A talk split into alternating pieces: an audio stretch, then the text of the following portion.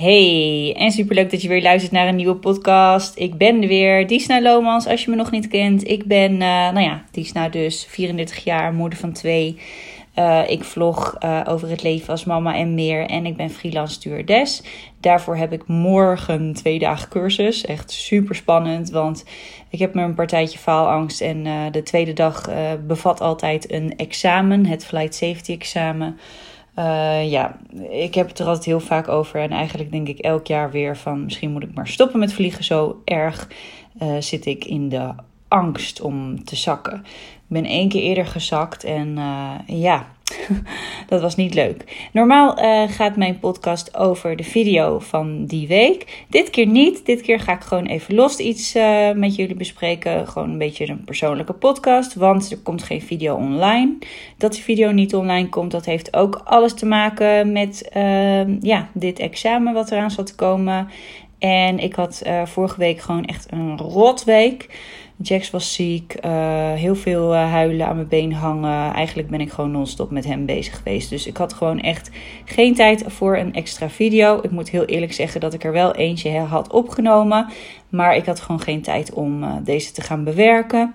En de laatste tijd word ik ook een beetje, ja, een beetje uh, overvallen door uh, een onzeker gevoel, wat ik helemaal niet ken van mezelf. Ik weet altijd heel goed uh, wat ik wil en waar ik heen werk. En ik geniet ook echt van het maken van video's en, um, en YouTube en zo. En ja, ik, ik ben heel blij met de resultaten altijd.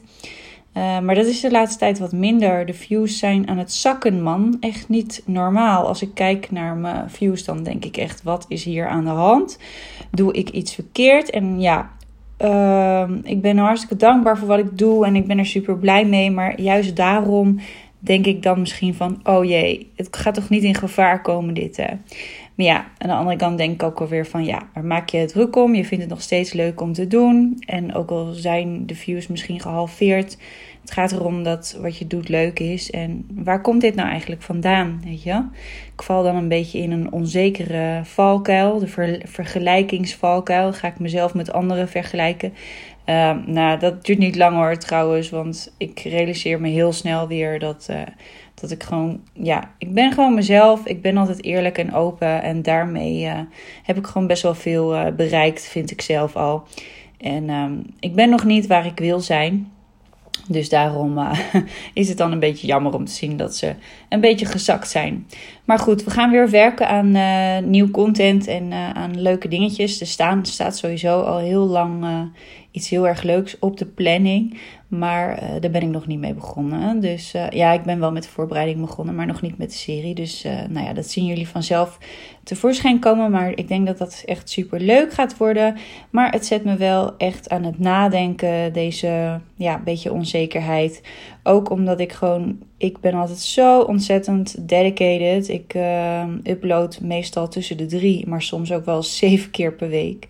En ik heb altijd geleerd dat dat goed was um, om ja, zeg maar je, je, je mensen op te bouwen. En uh, ja, nou ja, goed. Ik, ik ben nu van mening dat ik dat misschien uh, wil gaan aanpassen. Dus dat er minder uploads gaan komen, maar dat er gewoon wel even wat meer werk gaat zitten in, de, in het content, in de video's. Dus dan weten jullie dat dat, dat uh, eraan zit te komen. En misschien boeit het jullie verder helemaal niks. Maar ik dacht, ik wil het toch even hebben over deze onzekerheid die ik eigenlijk helemaal niet ken. Uh, uh, ik ben ook nooit eigenlijk bezig met hoeveel likes of views ik heb of hoeveel abonnees. Ik bespreek dit ook nooit waar mijn kinderen bij zijn, omdat ik dit een heel slecht voorbeeld vind om hiermee bezig te zijn. Uh, ook als Jola haar eigen video maakt, wat ze nu natuurlijk, dat weten jullie vast als jullie ons volgen, dat ze dat wel eens doet. Maar dan uh, zijn we ook helemaal niet bezig met hoe vaak deze bekeken worden en zo. Dus dat, uh, daar wordt ze helemaal niet mee beïnvloed. En ja, daarom vond ik het wel interessant om een beetje te onderzoeken waarom ik daar nu zelf wel door beïnvloed word. Mm, ja, want het is niet zo dat ik echt een hele erge rush voel als ik veel likes krijg op Instagram. Die hebben ze trouwens laatst uh, tijdelijk dan verwijderd, de likes. En nu zag ik dat ze weer met nieuwe onderzoeken bezig zijn om dit te verwijderen. Bij mij zie je ze nog wel, maar bij anderen weer niet. Ik wilde even zeggen dat ik dit persoonlijk echt een hele goede vind. Want ik, eh, zoals ik net vertelde, dus ik vind het echt uh, bizar dat de kinderen daar mee geconfronteerd worden. Op ja, hoe belangrijk ze zijn of hoe populair ze zijn. Naar ratio van, van Instagram of, of andere so social media. Dus ja, echt super goed. niet dat ik denk dat het iets echt heel erg gaat veranderen aan uh, hoe, hoe, men gaat denken. Want dan moet het wel echt goed doorgevoerd worden. En uh, niet alleen maar bij dit soort testen blijven. Dus ja, maar goed, bij mezelf, hoe kan dat nou? Hè? Want ik denk dat het ook gewoon een beetje ja, komt omdat ik dan mezelf ga vergelijken met andere uh, YouTubers in hetzelfde genre, zeg maar, van mijn leeftijd. en dan ga ik een beetje kijken wat zij uploaden. En dan denk ik, wow zij gaan wel keihard en ik niet. Eh, ze zijn misschien wel wat langer bezig of dat soort dingen. Maar ja, ik word er toch een beetje onzeker van. En dat vind ik echt helemaal niks voor mij. Heel raar eigenlijk. En ja, bizar. Bizar wat, wat gewoon cijfertjes op een scherm met je kunnen doen. Ja, net zoals bijvoorbeeld een rotopmerking. Gisteren kreeg ik dan ook een opmerking omdat ik gewoon een berichtje eruit had, huid had gegooid. Of mijn volgers nog ideetjes hadden voor video's. Dat doe ik wel vaker en dat levert altijd hele leuke video's op, omdat je dan gewoon echt een interactie hebt met je volgers van wat willen zij nou zien. Maar toen reageerde er iemand, op zich niet echt heel erg lullig, maar ze zei iets van: uh, ja, je, je legt jezelf. Uh, je komt gespannen over. Volgens mij was dat zinnetje zat erin, onder andere. En ze vond het wel leuk om naar me te kijken, maar dan meer gewoon de normale vlogs. En ze vond dat ik te veel moeite deed, zeg maar, voor extra video's. Nou ja, dat, dat vind ik echt, dat gaat heel erg in, in strijd met, met waarom ik eigenlijk dit ben begonnen. Want ik vind het super leuk om echt iets toe te voegen. En om juist ook een wat oudere doelgroep te gaan aanspreken. Maar ook eh, te laten zien hoe dingen bijvoorbeeld uh, uitpakken. Net zoals bijvoorbeeld met mijn plexherbehandeling, dat ik dat een week lang heb gefilmd en dat je echt elke dag het effect zag. Maar weet je, dat soort video's waarbij je echt een beetje onderzoek doet, het eigen vet wat ik uit mijn lichaam ging zuigen en dan in mijn gezicht laten spuiten. Ja, heftige dingen, maar wel goede dingen, omdat ik het echt, echt heel oprecht goed laat zien zoals het echt is. En dat, dat vind ik echt heel erg fijn aan YouTube. Dat ik dat helemaal zelf in de hand heb. Het is niet geregisseerd. Het is echt helemaal door mezelf uh, in elkaar gezet, gefilmd. Uh, niet vanuit het beste licht. Uh, niet met de beste audio. Maar gewoon rauw en echt. En ja, ik hoop dat ik dat er wel in kan houden. Want als ik mezelf met anderen ga vergelijken en ga proberen te evenaren wat anderen doen uh, dan val ik misschien ook wel in dat, dat ik ga proberen iemand anders na te doen. En dat wil ik helemaal niet. Ik wil gewoon echt bij de Disna blijven. Dus uh, mijn uh, reactie voor deze persoon is: dan, dan ken je mij gewoon helemaal niet. Ik heb ook heel veel volgers die juist tegen me zeggen: Ja, Dies, ik vind het superleuk dat het bij jou juist gewoon altijd maar zien is wat er komt. En het is altijd weer iets anders wat je hem niet verwacht of zo. En dat is juist wel weer heel erg leuk.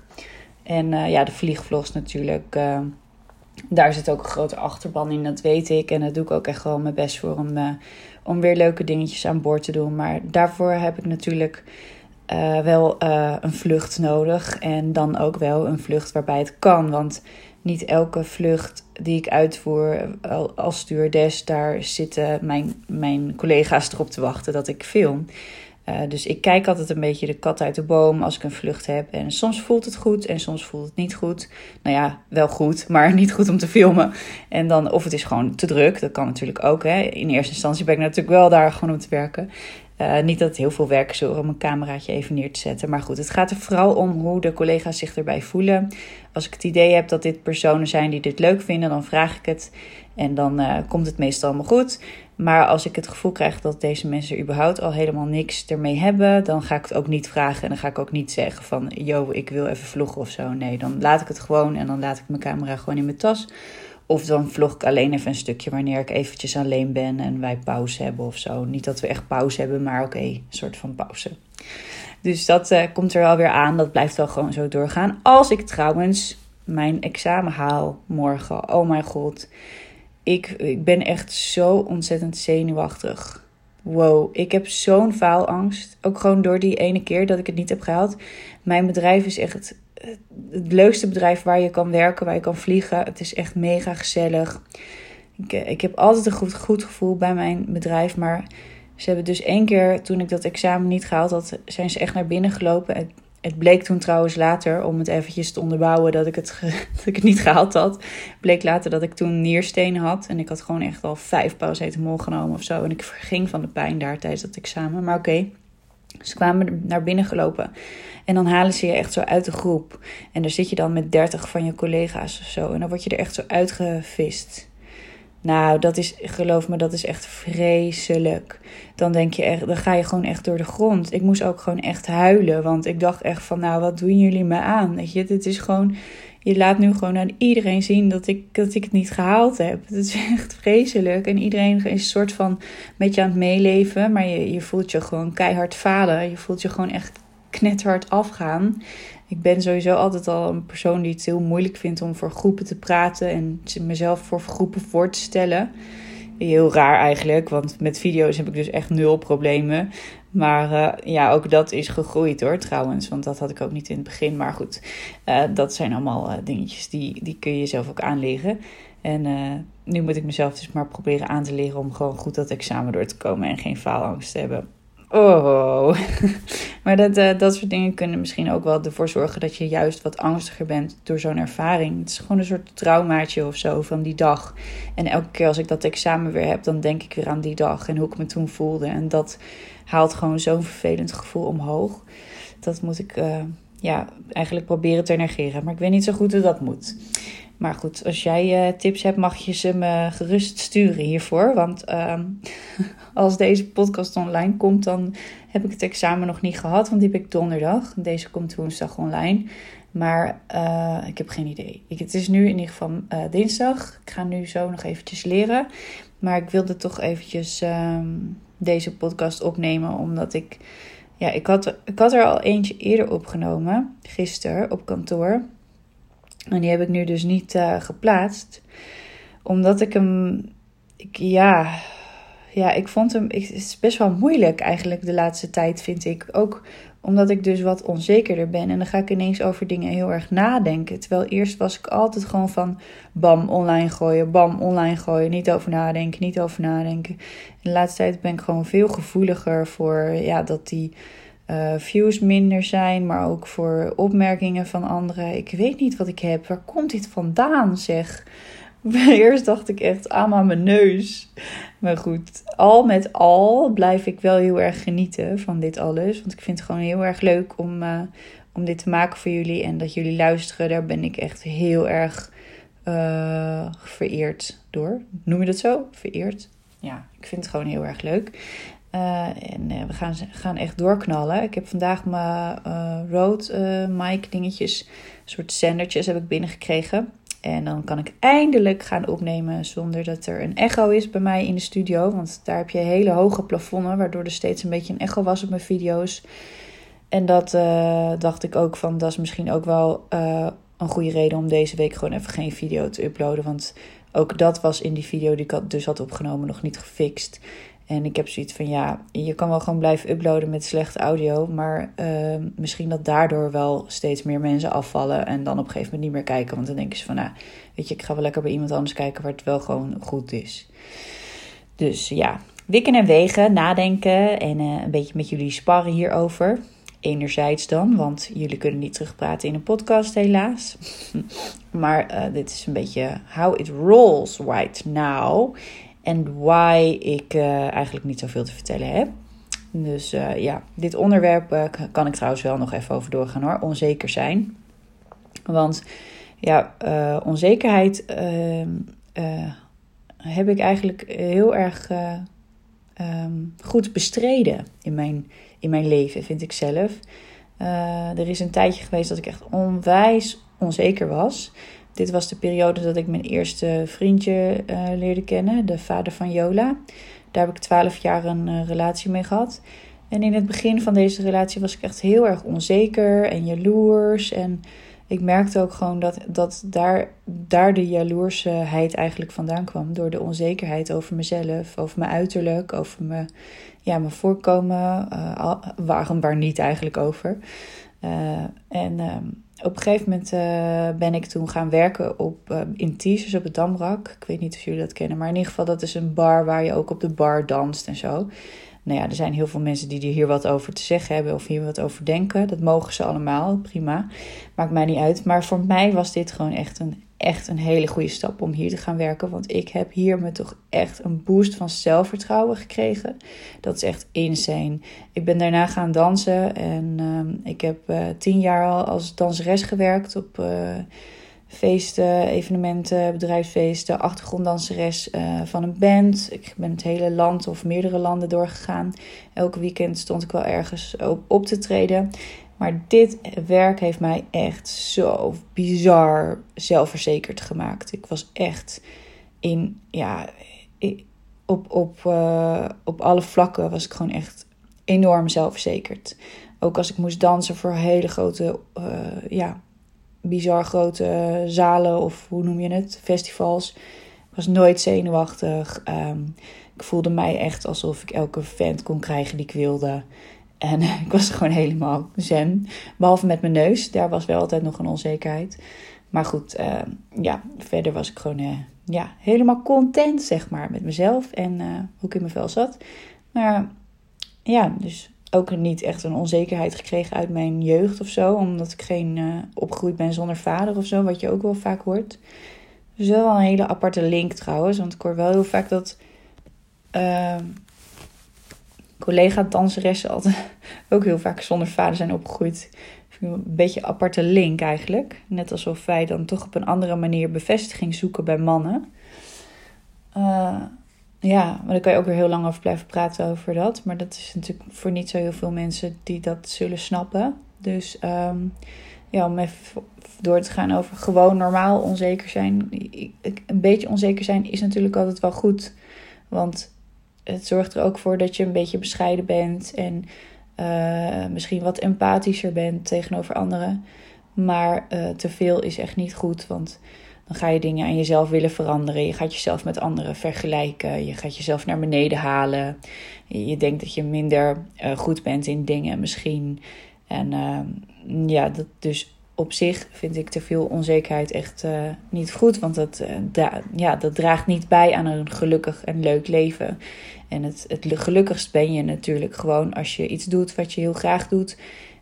maar voordat je daar bent, voordat je dat kunt doen wat je graag doet, uh, moet je er wel in geloven dat je het ook kan. En dat geloven ergens in, dat is heel erg belangrijk. Want als je iets voor je kunt zien, als je echt weet van, nou, dit, hier geloof ik in dat ik dit kan en dit ga ik realiseren, dan zul je een hele grote kans hebben dat je dat ook zult bereiken. Ik wil niet zeggen dat je dat alleen maar hoeft te denken en dat je dan achterover kan hangen. zeker niet. Je moet het wel echt creëren voor jezelf.